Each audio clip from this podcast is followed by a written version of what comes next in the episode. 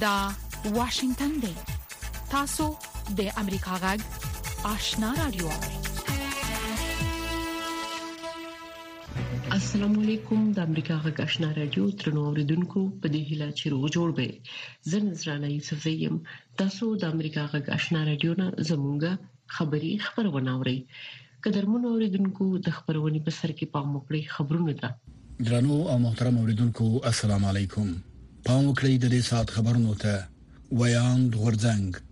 د ملګرو ملتونو د بشري مرستو د همغږي اداره او چاوای په افغانستان کې د روان کال په ترڅ کې د بشري مرستو د رسولو د عملیاتو لزیاتیدونکو ننګونو سره مخامخ شول د ادارې په راپور کې چې پرون یې پر خپل ویب پاڼه کې خبر کړی دی ویلي دي چې د دې خندونو کچه سکهال د تیر کال په پرتله 21 سلنه زیاته شوې ده په راپور کې راغلي دي چې سکهال یې د مرستو د رسولو پر وړاندې د خندونو نه نوي موارد ثبت کړي دي دا اداره وايي د بشري مرستو رسونکو ټولنو پر روان کال کې د مرستو شپږ سو نه پنځوس پروګرامونه د همدې خندونو لوجې ځندولې دي چې دا د تیر کال په پرتله 18 سلنه زیاتوالی کوي د افغانستان د خځو د ملي اتحاد چتر په نوم د خځو د مدافع ټولنې پرانیسته لیک لسګونه مدني فعالانو د بشري حقوقو او د خځو د حقوقو مدافع ټولنو او شخصیتونو لاسلیک کړی دی د دې ټولنې غړیو په هغه لیک کې پرون یې د جرمونو نړیوال محکمې ته واستو لیکلي دي چې طالبانو پر افغانستان له واکمنۍ دوه ورسته په تیرو څه باندې دوه کلونو کې د افغان ښځو بشري حقونه د ملګرو ملتونو د بشري حقونو اعلامیه او له ښځو سره د تبعیض د مخنیوي کنوانسیون په ښکارا تر پښو لاندې کړي دي په دې پرانیستي لیک کې یادونه شوې ده چې د طالبانو تر واکمنۍ لاندې افغانستان کې ښځې له جنسیتي اپارتاید سره مخامخ دي او په ډلهییز او سیستماتیک ډول له خپل لومړنیو انساني او مدني حقوقو څخه بې برخې شوې دي د طالبانو حکومت وايي پرون د افغان کډوالو 322 کورنۍ چې د غړو شمیر یې 1949 تنو ته رسیدي افغانستان ته راستول شوې دي د طالبانو د حکومت لخوا نن رسنیو ته په لګل شوی خبر پاڼه کې ویل شوی دی چې دغه افغانان د تورخم سپین بولدک او ډنډ پټان ولسوالۍ لارو هیواته راستول شوې دي په خبرپاڼه کې راغلي دي چې یاد کډوال د موظفو کمیټو لخوا ثبت شوي او اکثره یې خپل ولایتونو ته انتقال شوي دي پاکستان د نوامبر په لومړۍ نیټه له هغه هیواده د سباندې اولس لکه افغانانو چې دوی به اسناد کډوال بولی د استلو لړۍ پیل کړې ده د ازادي جبهې په نوم د طالبانو د حکومت مخالفه ډله ادعا کوي چې تیر ماښام په کابل کې په دوه بریدونو کې و طالبان وژلي او یو شمېر نور یې ټپيان کړي دي د جبهې پر ایکس شبکې په دوه جلا بیانونو کې ویلي دي چې لومړی حمله د ښار په نهمه ناحیه کې د هوایي ډګر پر واټ د طالبانو پر یو پوسټه وکړه چې په ترڅ کې درې طالبان وژل شوي او دوه نور ټپيان شوي دي نو موري ډله په خپل دویم بیان کې د کابل ښار د څلورمې ناحیې په اړوند سلیم کاروان څلور لار کې د طالبانو د تلاشۍ پر پوسټه د وسلوال برید ادعا کوي او وایي چې هلته څلور طالبان وژلي او یو بل یې ټپي کړی دی خپلواکو سرچینو دا ادعاوې نه دي تایید کړې او طالبانو هم تر اوسه په دې اړه څه نه دي ویلي. له امریکا غږ څخه خبرونو ته دوام ورکوو. د اسراییل او حماس ترمنځ اوربند نن د پنځمې ورځې په مخه وغځیده. په دې اړه زما همکار راپور راکوي. حماس چې امریکا او اروپايي ټولنه یې د یوې تروریستي ډلې په توګه پېژني ژمنه کړې چې د احتمالي جګړې بیا پېل د مخنیوي لپاره به پاتې ملکي یرغمل هم خوشې کوي. د دې تر څنګ، اسرائیل تر زیاتېدونکي فشار لاندې دی چې د جګړو د بیا پېلېدو په صورت کې باید د ملکي فلسطینیانو خوندیتوب ته پام وکړي. دواړو خواو د نومبر تر نهه ویشت مې پورې د اوربند پر دوام موافقه وکړه. احمدالله چیوال، اشنا راډیو، واشنګټن. خبرونو ته ادامه ورکوو د پاکستان پوځ وایي چې د بحرین عراق او کویت له ځانګړو ځواکونو سره یې په ګډه د ترهګرۍ ضد تمرینونه ترسره کړي دي د پوځ د عامه اړیکو څانګې پرون دوشنبه په یو خبر پاڼه کې ویلي دي چې د فجر الشرق په نوم دغه تمرینونه دوه اونۍ د پاکستان د ترهګرۍ ضد مبارزې په مرکز کې ترسره شول پاکستانی چارواکو د دوه تمرینونو هدف د خپل ځواکونو د وړتیاو لوړول او د ګډې همکارۍ پراختیا ښودلې ده پاکستان دغه پوځي تمرینونه داسې مهال کوي چې په هغه هیواد کې د ناامنۍ پیښې ډېرې شوې دي اوکرایني چارواکي وایي چې د روسیې پوځ د رشپا د اوکراین د ختیځې دونیتسک سیمې پر کرویوی ریویا ښار د توغندیو برید وکړ د دې ښار د پوځي ادارې مشر ایوهین سیتینی چینیکو نن پر خپل ټلګرام پاڼه کې دا خبر ورکړی دی او ویلي دی چې چارواکي اوس مهال د دې حمله د زیانونو په اړه څېړنه کوي نوموړي زیاته کړه چې د ښار عامه تاسیسات تر اوسه په عادي ډول کار کوي. د اروپا په جنوب ختیځ کې د ویجاړونکو ژمنیو توپانونو او واورو له کبله لږ تر لږه 14 تنه وژل شوي او لسګونه نور ژوبل شوي دي. د ازادۍ راډیو د خبر مرکزي څانګې لیکلي دي چې دغو توپانونو په اوکراین، مولداویا، روسیې، بلغاریا او رومانیا کې د تور سمندر سواحلو ته نږدې خلک زیانمن کړي دي. د دغو توپانونو له کبله ګڼ شمېر کسان د ژمي په دې سړه هوا کې بې برېښنا شوي دي دا اوس موږ د ساعت خبرونه د امریکا غږشنا رادیو درنو اوریدونکو تاسو خبرونه واوریدل پام وکړئ زموږه د خبرونې لومړی رپورت ته امودریا نفته حوزه کې اته حلقې نوې ساګانې رسمن پرانستل شوې په دې سره د فعالو ساګانو شمیر ولسو ته ورسېدو د استخراج ورځنی سطح 800 میټر مکعب ته لوړه او 1550 کسانو ته مستقیم کاری فرصت برابر شو نږدې میاشتو کې په لس نور څنګه فعالي چې ورسره به استخراج او کاری فرصتونه لا زیات شي اکرام شینواری رپورټ را لګل د طالبانو د حکومت د کانونو او پېټرولیم وزارت د سیشنبې په ورځ د سرپل ولایت د عمود نبتی حوزې د اتو نورو څاګانو څخه د تیلو د ایستلو بهیر پرانیست چې ورسره به په دغه سیمه کې د تیلو د ایستلو اندازه په ورځ کې 800 متر مکعب ته لوړ شي دغه وزارت سرپرست مولوی شهاب الدین دلاور په دې مناسبت جوړ شوی غونډه ته ویل چې د تیلو د ایستلو د شرکت سره په دې موافقه کړې چې درې کاله به دا شرکت د تیلو تفحص ته دوام ورکړي د انکشاف د اکتشاف مطلب دا ده چې دوی به هغه ځایونه ګوري چې چیرته ذخایر دي تیل دي او پنځم د جنوري باندې يو کال پوره کيږي نو يو کال د اکتشاف پوره سو دو سال دیګه اکتشاف ماته. هغه د دغو نوو څاګانو د فعالیت پیل مراسمو ته وویل چې ټاکل شوې چې په نږدې راتلونکي کې به لس نورې څاګانې هم فعالې شي د دغو څاګانو د فعالېدو د مخه په دغه سیمه کې د تیلو د څو څاګانو څخه تیل ایستل کېدل د طالبانو د حکومت د ریاست الوزرا اقتصادي مرستیال ملا عبدالغني برادر دې غونډې ته ویل چې دغو تیلو څاګانو څخه د ترلاسه شوو عوایدو څخه به په لومړي سر کې د سرپل ولایت د بیا رغونې لپاره کار واخیستل شي د دې څخه په اولنۍ درجه کې باید د سرپل ولس برخمن شي الحمدلله ودې ته د افغانستان د اسلامي امارت هم توجه کړې ده چې د کم بند لپاره د دغه شرکت او زموږ په مابین کې چې کومه 15 فیصدي ده هغه د هغه بند لپاره تخصیص شوې ده زه په دې اکتفا نه کوم چې یوازې د بند لپاره دغه تخصیص شوی دی ماته خو د سرپل ولایت دا مظلوم ولس او دا مظلوم ملت او مسکنت او غربت چې څونه ځپلي دي ماته یې وضعیت را معلومیږي ما تر مخه هم دا خبره کړې ده باید دغسې ولایتو ته موږ ترجیح او توجه وکړو د طالبانو د حکومت د کانونو او پټرولیم وزارت وایي چې د امو نفتي حوزې کې اوسمهال 350 انجنیران په مستقیم ډول کار کوي چې د غاتو نو ساګانو په پالیدو سره به شمیر کې هم زیاتوالی راشي طالبان حکومت د دې حوزې ساګانو څخه د تیلو د سلو قرارداد یو چینی شرکت سره د روان 2023 کال د جنوري په میاشت کې لاسلیک کړو د طالبانو حکومت وایي چې د تیلو دغه زیرمې د افغانستان په درې شمالي ولایتونو سرپل جوزجان او فاریاب کې پیژندل شوی چې ترکمنستان سره ګډه پوله لري په 2020م کال اگست کې په افغانستان کې وخت طالبانو د بیا رسیدو وروسته د یو چینایي شرکت سره د طالبانو د حکومت لومړنی قرارداد و چې لاسلیک کړی و طالبانو دغه قرارداد د لاسلیک سربېره د اگست په میاشت کې تخار ولایت سمتي د سرو زرو کان چې 12 کیلومتر مربع مساحت لري د چین افغان او زراور افغانستان ګډ شرکت سره د 310 میلیون ډالرو په ارزښت هم لاسلیک کړی دی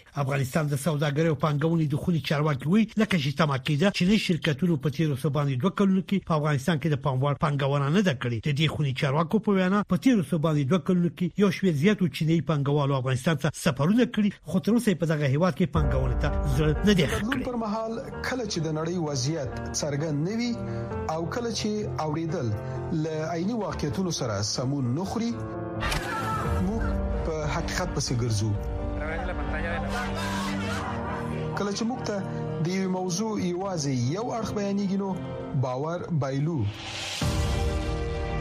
د ناورین پر مهال د یوې ښې راتلونکې لپاره زموږ خوبونه تم یو هلي پر آزادو مطبوعاتو تکیه وي د امریکا غږ پر چپو موږ هغه خبرونه خبرو چې خلک یې د لیدلو لپاره غواخونه مني موږ نړۍ سره وسلو او د حقیقت په ویلو یو متای کوو د امریکا غږ لاري موږ بشپړ انزور درکو سپینې ماڼۍ د حماس او اسرایل ترمنځ د دوه ورځو لپاره د اوربند غزیدو او د اوربند په هر ورځ د لسو نورو برمته شو بنديانو د آزادولو د اعلان هرکلی کړي نور تفصيل په دې رپورت کې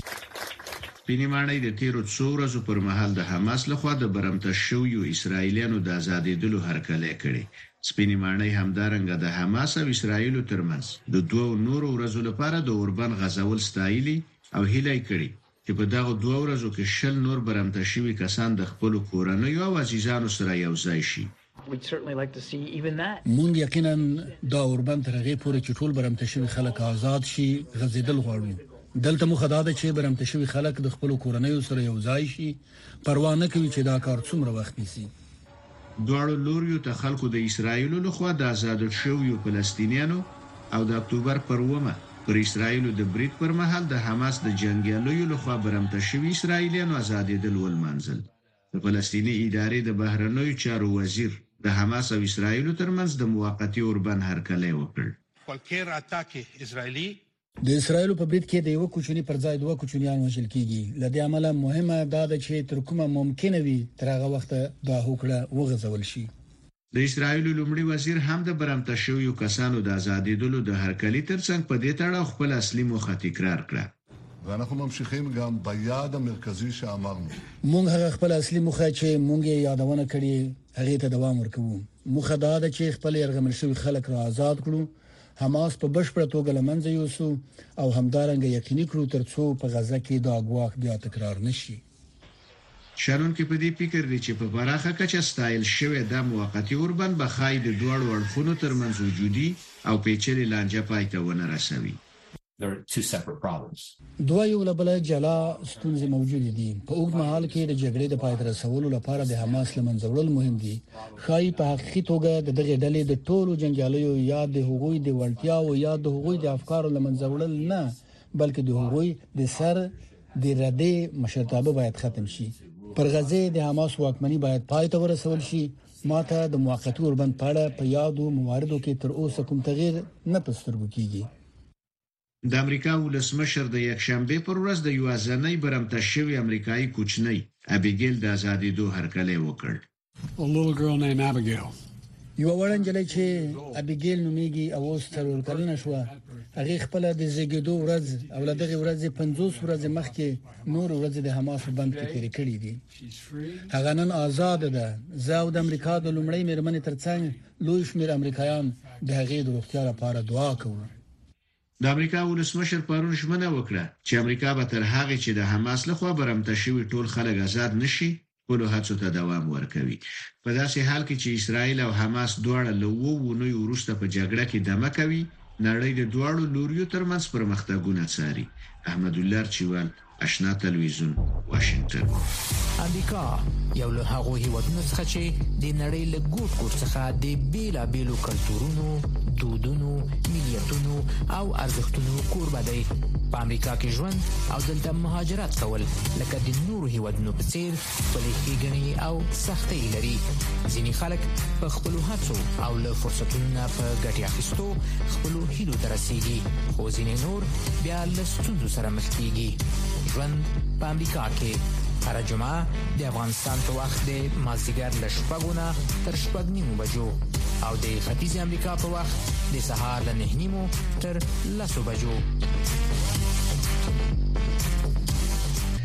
د اسرایل د حکومت ویاند الوین لوی د امریکا غږ سره په ځانګړي مرکه کې ویل چې د حماس په ضد جګړه به تر هغه ختم نشي تر هغه چې په غزه کې خلک یې رغمل وي او حماس په واک کې وي نو موړی زیاتوي چې اوس مهال اسرایل د حماس په لمن جوړولو متمرکز دی خو چې کله دا جګړه پای ته ورسیږي نو بیا په دې اړه د اسرایلی ولس پښتنو ته ځواب وایي چې حماس څنګه د اکتوبر د ومه د برید جوړ شو موږ د خاغلی لیوی سره مرکه کړې ده تاسو ته راوړو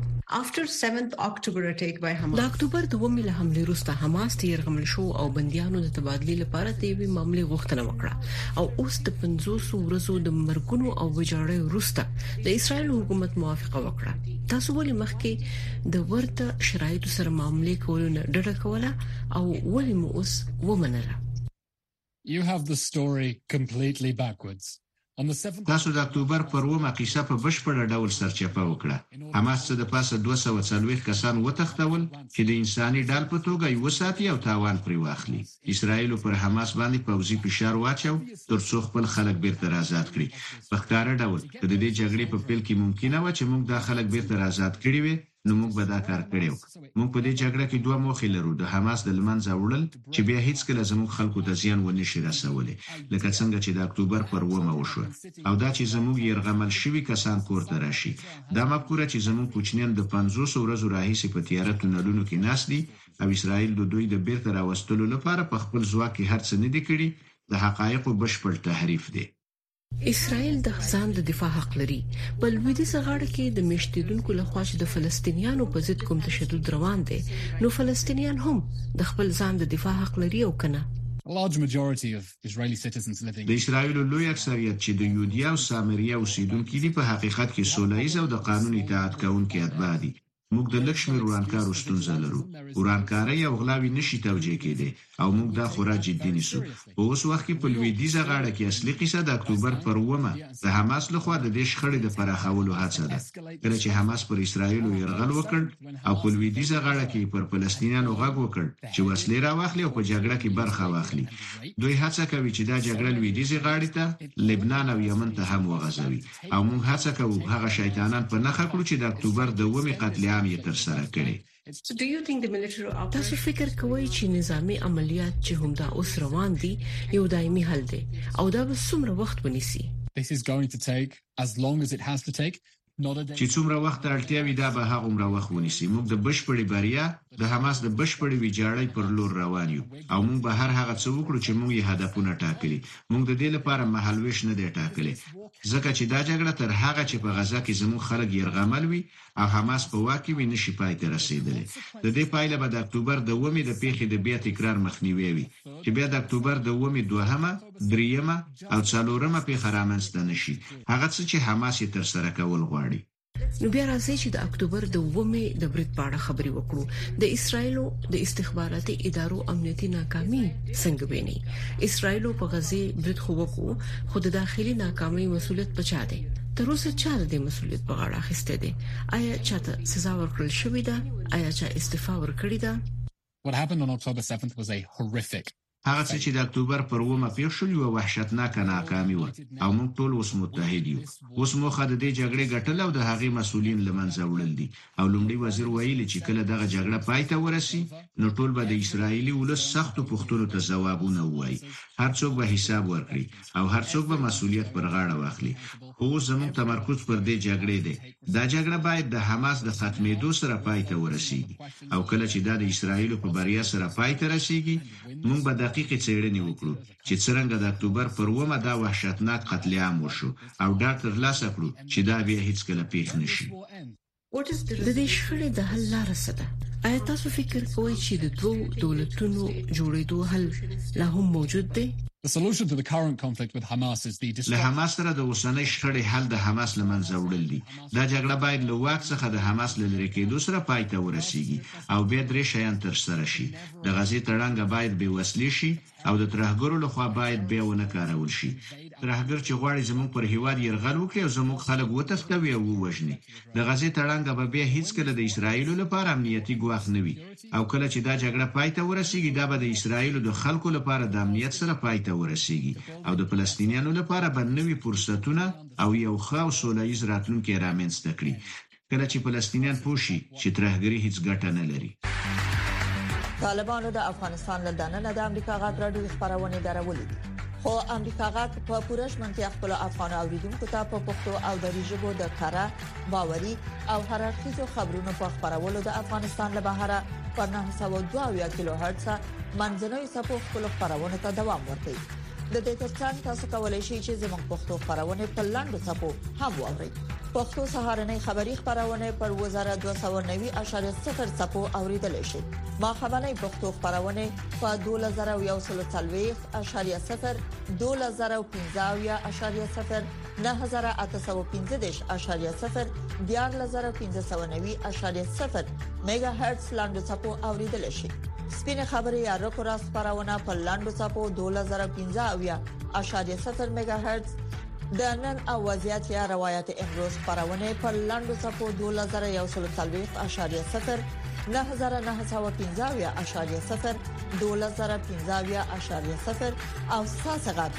یا صداي شما خبرونه پر لاندو صفو 2513.0 9315 میگا هرتز اوریدل شي ټاکل شوې د ملګرو ملتونو ځانګړي استاذي فریدون سنري اوغلو د افغانستان د وضعیت په اړه خپل رپورت ملګرو ملتونو ته وړاندې کړ طالبانو پر رسمیت پیژندل د جنو امرمنو زده کړې ټول ګډون حکومت او د افغانستان سیاسي راتلونکي هغه سدي چې په دې رپورت کې څېړل شوې دي یو شمېر سیاسي شنونکي وایي تر هر څه لومړی ملي مشروعیت اړین دی چې طالبانو تر اوسه ترلاسه کړی نه دی بل خو د افغانستان د وضعیت په اړه د هرات د امنیتي خبرو تر یو لسمه غونډه چې د تاجکستان په دوشنبه ښار کې جوړه شوې و پای ته ورسېده نور تفصيل د وحید فیضی پر پورت کې ټاکل شوې د افغانستان د وضعیت ارزونې په موخه د ملګرو ملتونو ځانګړې استازې فریدون سینري اوغلو خپل ارزونه د سه شنبه په ورځ د نومبر 28 مه ملګرو ملتونو ته وړاندې کړي د افغانستان سیاسي راتلونکي په ځانګړي توګه د ټول شموله حکومت جوړول په رسمه د طالبانو پیژندل د جنونو میرمنو زده کړې کار او حقونه د خلکو ازادي او د غرس نور مسایل په دې ارزونه کې شامل دي او د ملګرو ملتو سازمان د با اعتبار حقوقي نهاد یا سازمان په توګه چې ټول نړۍ ته منل شوی ده د د اوسنی وخت هیله د ملت د افغانان د افغانستان هم هم د سازمان ته د څه وکړي چې په افغانستان کې یو اصلاحات راولي د ستونزو د حل لارې وموندي او افغانستان د اوسنی غمیزه نه او دا ستونزو نه او دا کډوال توب نه انزوا حالت نه چې هغه ډېرې ستونزې زېږوي دنه وژغوري. د ملګرو ملتونو امنیت شورا په یو پریکړه لیک کې د مارچ په میاشت کې د عمومي منشي انتونیو ګوتریش څخه غوښتي و چې د افغانستان وضعیت وارزول شي خغلی ګوتریش د دې ارزون لپاره د ترکیه د حکومت په خوانی چارواکي فریدون سنری اوغلوب وټاکه چې د دې ماموریت د چارو مشري وکړي سنلي اوغلو د دې ارزیابۍ د چمتو کولو لپاره په افغانستان کې طالب چارواکو، په بهر کې میشتو افغانانو، سیمه ییزو او نړیوالو هیوادونو او ادارو د استازو سره وکتل چې د افغانستان سره سروکار لري. د افغانستان په موضوع کې طالبان اول د ملي مشروعیت هڅه وکړي. طالبانو حکومت سرپرست حکومت دی. په نظامی ډګر کې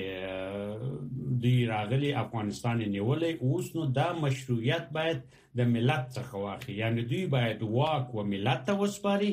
بلخوا د ایران د بهرنی چارو وزارت یو ځل بیا په افغانستان کې یو داسې حکومت پر منځته کېدو باندې ټینګار کړی چې پکې دغه هیواد د ټولو قومونو استازي برخه ولري همداشان د تاجکستان په پلازمېنه دوشنبه کې د افغانستان د ستراتیژیکي څېړنو د مرکز لخوا د هرات امنیتي ډیالوګ یولسمه غونډه هم پای ته ورسېده په دې غونډه کې د افغانستان د روان او راتلونکي وضعیت څېړلو ترڅنګ ګډونوالو د سیمې د اجماع او نړیوال ملاتړ د دیموکراتیک افغانستان لپاره ملي ډیالوګ او ځینو نورو مسایلو باندې خبرې وکړې نو زه فکر کوم دا یو فرصت دی سربېره پر دې چې دلته موږ هغه خپل تشویشونه دوی سره شریک کړل هغه واقعیتونه هم دوی ته وړاندې شول چې کوم افغانستان د سیمه په ګټه بي هغه افغانستان چې تروریستانو خواته افغانستان کشي او یو بل داخلي او منطقوي بحران او یا هغه افغانستان چې دنیا سره په خطا تعامل کې رواني او د تاوتریخوالو لپاره نور ځای پکې نه امریکا غږ په دې اړه چې آیا طالبان هم د غونډ ته بلل شي ورنغلل له طالبان څخه معلومات وغوښتل خو د دې ډلې ویاند ذبیح الله مجاهد له امریکا غږ سره په دې اړه له خبرو کولو ډډه وکړه وحید فیضی د امریکا غږ متضاد اړخونه بیلابیل دریزونه د سپیناوي تود مخامخ بحث او په اخر کې قضاوت ستاسو پر مهمو سیاسي، امنیتي، اقتصادي او ټولنیزو مسایلو د افغانستان سیمه او نړۍ باندې د ژور چیډنیز بحث مهمه اونیزه خبرونه هایل د هرې جمعې په ورځ د افغانستان په وخت د ماخام ونیمونه تر اته بجو پورې د امریکا غږ د سټلایټ لارې په ژوندۍ بانه هایل د امریکا غږ د روانو چارو نوي ټلویزیونی خبرونه هر کال د متحده ایالاتو د ګډ ګډ نه په زرګونو خلک غواړي چې د کریسمس یا د عیسایانو د اختر لپاره د سپینې ماڼۍ په سنگار کولو کې پر ځاکارانه توګه برخه واخلي خو د دغه ټولو نه یوازې 300 کسان ټاکل کیږي ډورا مکوارا پر رپورټ را لګلې سپینه ماڼۍ د رخصتو په ورځو کې اضافي خایست لري ځکه چې په سونو رضاکاران د ولس مشرۍ ماڼۍ د رخصتۍ د ورځو لپاره سنگار کوي د دې کار لپاره په زرګونو کسان درخواست کوي خو یوازې 300 نیکمرغه کسان غوړي کیږي مونږ رضاکاران تاسو په هیګي ځنې د دوی د لیاقت او ځنې د هغوی د لیکل شوی مقالو په اساس غوړه کوو لومړی میرمن جیل بایدن هغه جادو خوشحالي او حیرانتیا د موضوع په توګه غوړه کړي چې ماشومان تجربه کوي رضاکاران یو څه جادو او حیرانتیا هم تجربه کوي موږ د ماڼۍ مخې ته په چمن کې وګرځیدو او ما چې څنګه شاته وکتل نو تاسو ته معلومه ده چې دا کور ډیر ښکلی دی ځکه چې د کلونو راهیسې د دروازې بلې خوا نه موږ دا لیدلی وو دا هغه شیبه وه چې زه پرې ډیر ډیر منندوی یم. د یوې امریکایي په توګه، د یوې مهاجرې په توګه، تاسو چې کله هم سپینې ماڼۍ ته ګورئ نو فکر کوئ چې ای خدایه دا څومره ښایسته ځای دی او زما لپاره دا یوه ځانګړې شیبه ده چې دلته یم. رضاکاران وایي چې دوی د رخصتو لپاره د سپینې ماڼۍ د سنگار کولو پر مهال چې د ملګرتیا او لاس ته راوړنو کوم احساس کړي دوی به تل یاد ساتي د ویاړ خبره ده چې تاسو جوړ شوی کوم وړ کوټي خایسته توکي یا امیل دلته زوړن شي او دا چې څومره خلک بدلته راځي چې د رخصتۍ د خوند شیبي احساس کړي ځینو رضاکارانو پخوا هم سپینه ماڼۍ سنگار کړي او یو ځل بیا د رخصتۍ جادو تجربه کولو ته سترګې پلار دي شناز نفیس امریکا غږ واشنگټن په افغانستان کې د کتابونو د مطالعې دود ورستربلې کمزوري کیږي د بیروزګاری او پټولریزو شبکو کې د ځوانانو د زیات مصروفیت ترڅنګ د کتابتونونو شنشتون هم لامل ګڼل کیږي نور حال د شمساریان پر رپورت کې اوري په افغانستان کې د کتابونو د لوست او مطالعې دود د بیلابیلو عواملو پر اساس په ناوړه حالت کې بلل کیږي په ټولنیزو رسنیو کې د ځوانانو زیات بوختېدل اقتصادي ستونزې او د عامه کتابتونونو نشتون یې تر ډېره لوی لاملونه یادېږي درویشت کلن وزیر خان له بغلان ولایت څخه د کتابتونونو د جوړېدو هوډ کړی دی دا ځوان د مطالعې د ودې او د کتابونو د لوست په وجه د ځوانانو تر کورونو پورې کتابونه هم وروړي او تر مطالعې وروسته کتابونه بیرته ځنې اخلي دا پنځه میاشتې مخکې دغه تصمیم ونیو او لیګ لیګ فعالیتونه مو شروع کړ د کتابونو راټولو په برخه کې اوس مهال موږ د ته رسمي بڼه ورکړه کتابتون مو ایجاد ک او عملي خلک راځي دلته مطالعه کوي نو اوس تقریبا زر کتابونه راټول شوي دي او موږ هڅه کوو چې په راتلونکي نور کتابونه نور کتابونه هم راټول کو او په لوري پروتو سیمو کې کتابتونو جوړول ته دوام ورکړو په دغه کتابتون کې د ښوونځي د زده کوونکو ترڅنګ ځوانان او د پاخ عمر کسان هم کتابونه لولي دوی د کتابتون پرانیستلو ته د خوښۍ ترڅنګ دا ژمنه هم کوي چې د کتاب تر مطالعې وروسته به خپل نظریات او تاثیرات یو له بل سره شریکوي. زه ډېر خوشحاله یم، همدا رقم د دې ټولنې وګړي نور هم، دغه لحاظه چې دوی وکولی شي چې مثلاً مطالعه وکړي، په یو څه باندې پوه شي، د دوی لپاره او زموږ لپاره ډېر ښه خبره ده او د افتخار ځای دی. موږ په دې باندې ډېر خوشحاله یو چې یو کتابون، کتابتون په یو مهال کې په خپله ساحه کې، په خپل چاپېریال کې ولرو چې هلته موږ هر وخت، زموږ زړه غواړي او هلته لاړ شو زده کړې وکړو. دلته مطالعې لپاره راغلی یم، کتابتون جوړ شوی دی. استاد نه ډېره مننه کوم، دلته یې موږ لپاره کتابتون جوړ کړی دی، ځوانان هم راځي، سپین ږیري هم راځي، دلته مطالعه کوو. ډېر ښه نېک اقدام یې کړی دی او مطالعه خو د دې لپاره کوو چې ذهن لوړ شي، پوهه هم برابره شي، یو څه شي کې زده کړو، سترګې مو خلاصې شي، د هر څه شي معلومات واخلو، دې لپاره راځو دلته. که په افغانستان کې روانه بې روزګاري تر ډېره ځوانان د دې بهانه ګرځوي چې د دوی او د کتاب تر منځ یې واټن رامنځته کړی دی خو یو شمېر ځوانان بیا وایي چې د هر ډول ناوړه حالاتو څخه د وتلو مهمه لار د کتاب لوست او د کتابونو سره اړیکه ساتل دي. شمسارین امریکا غږ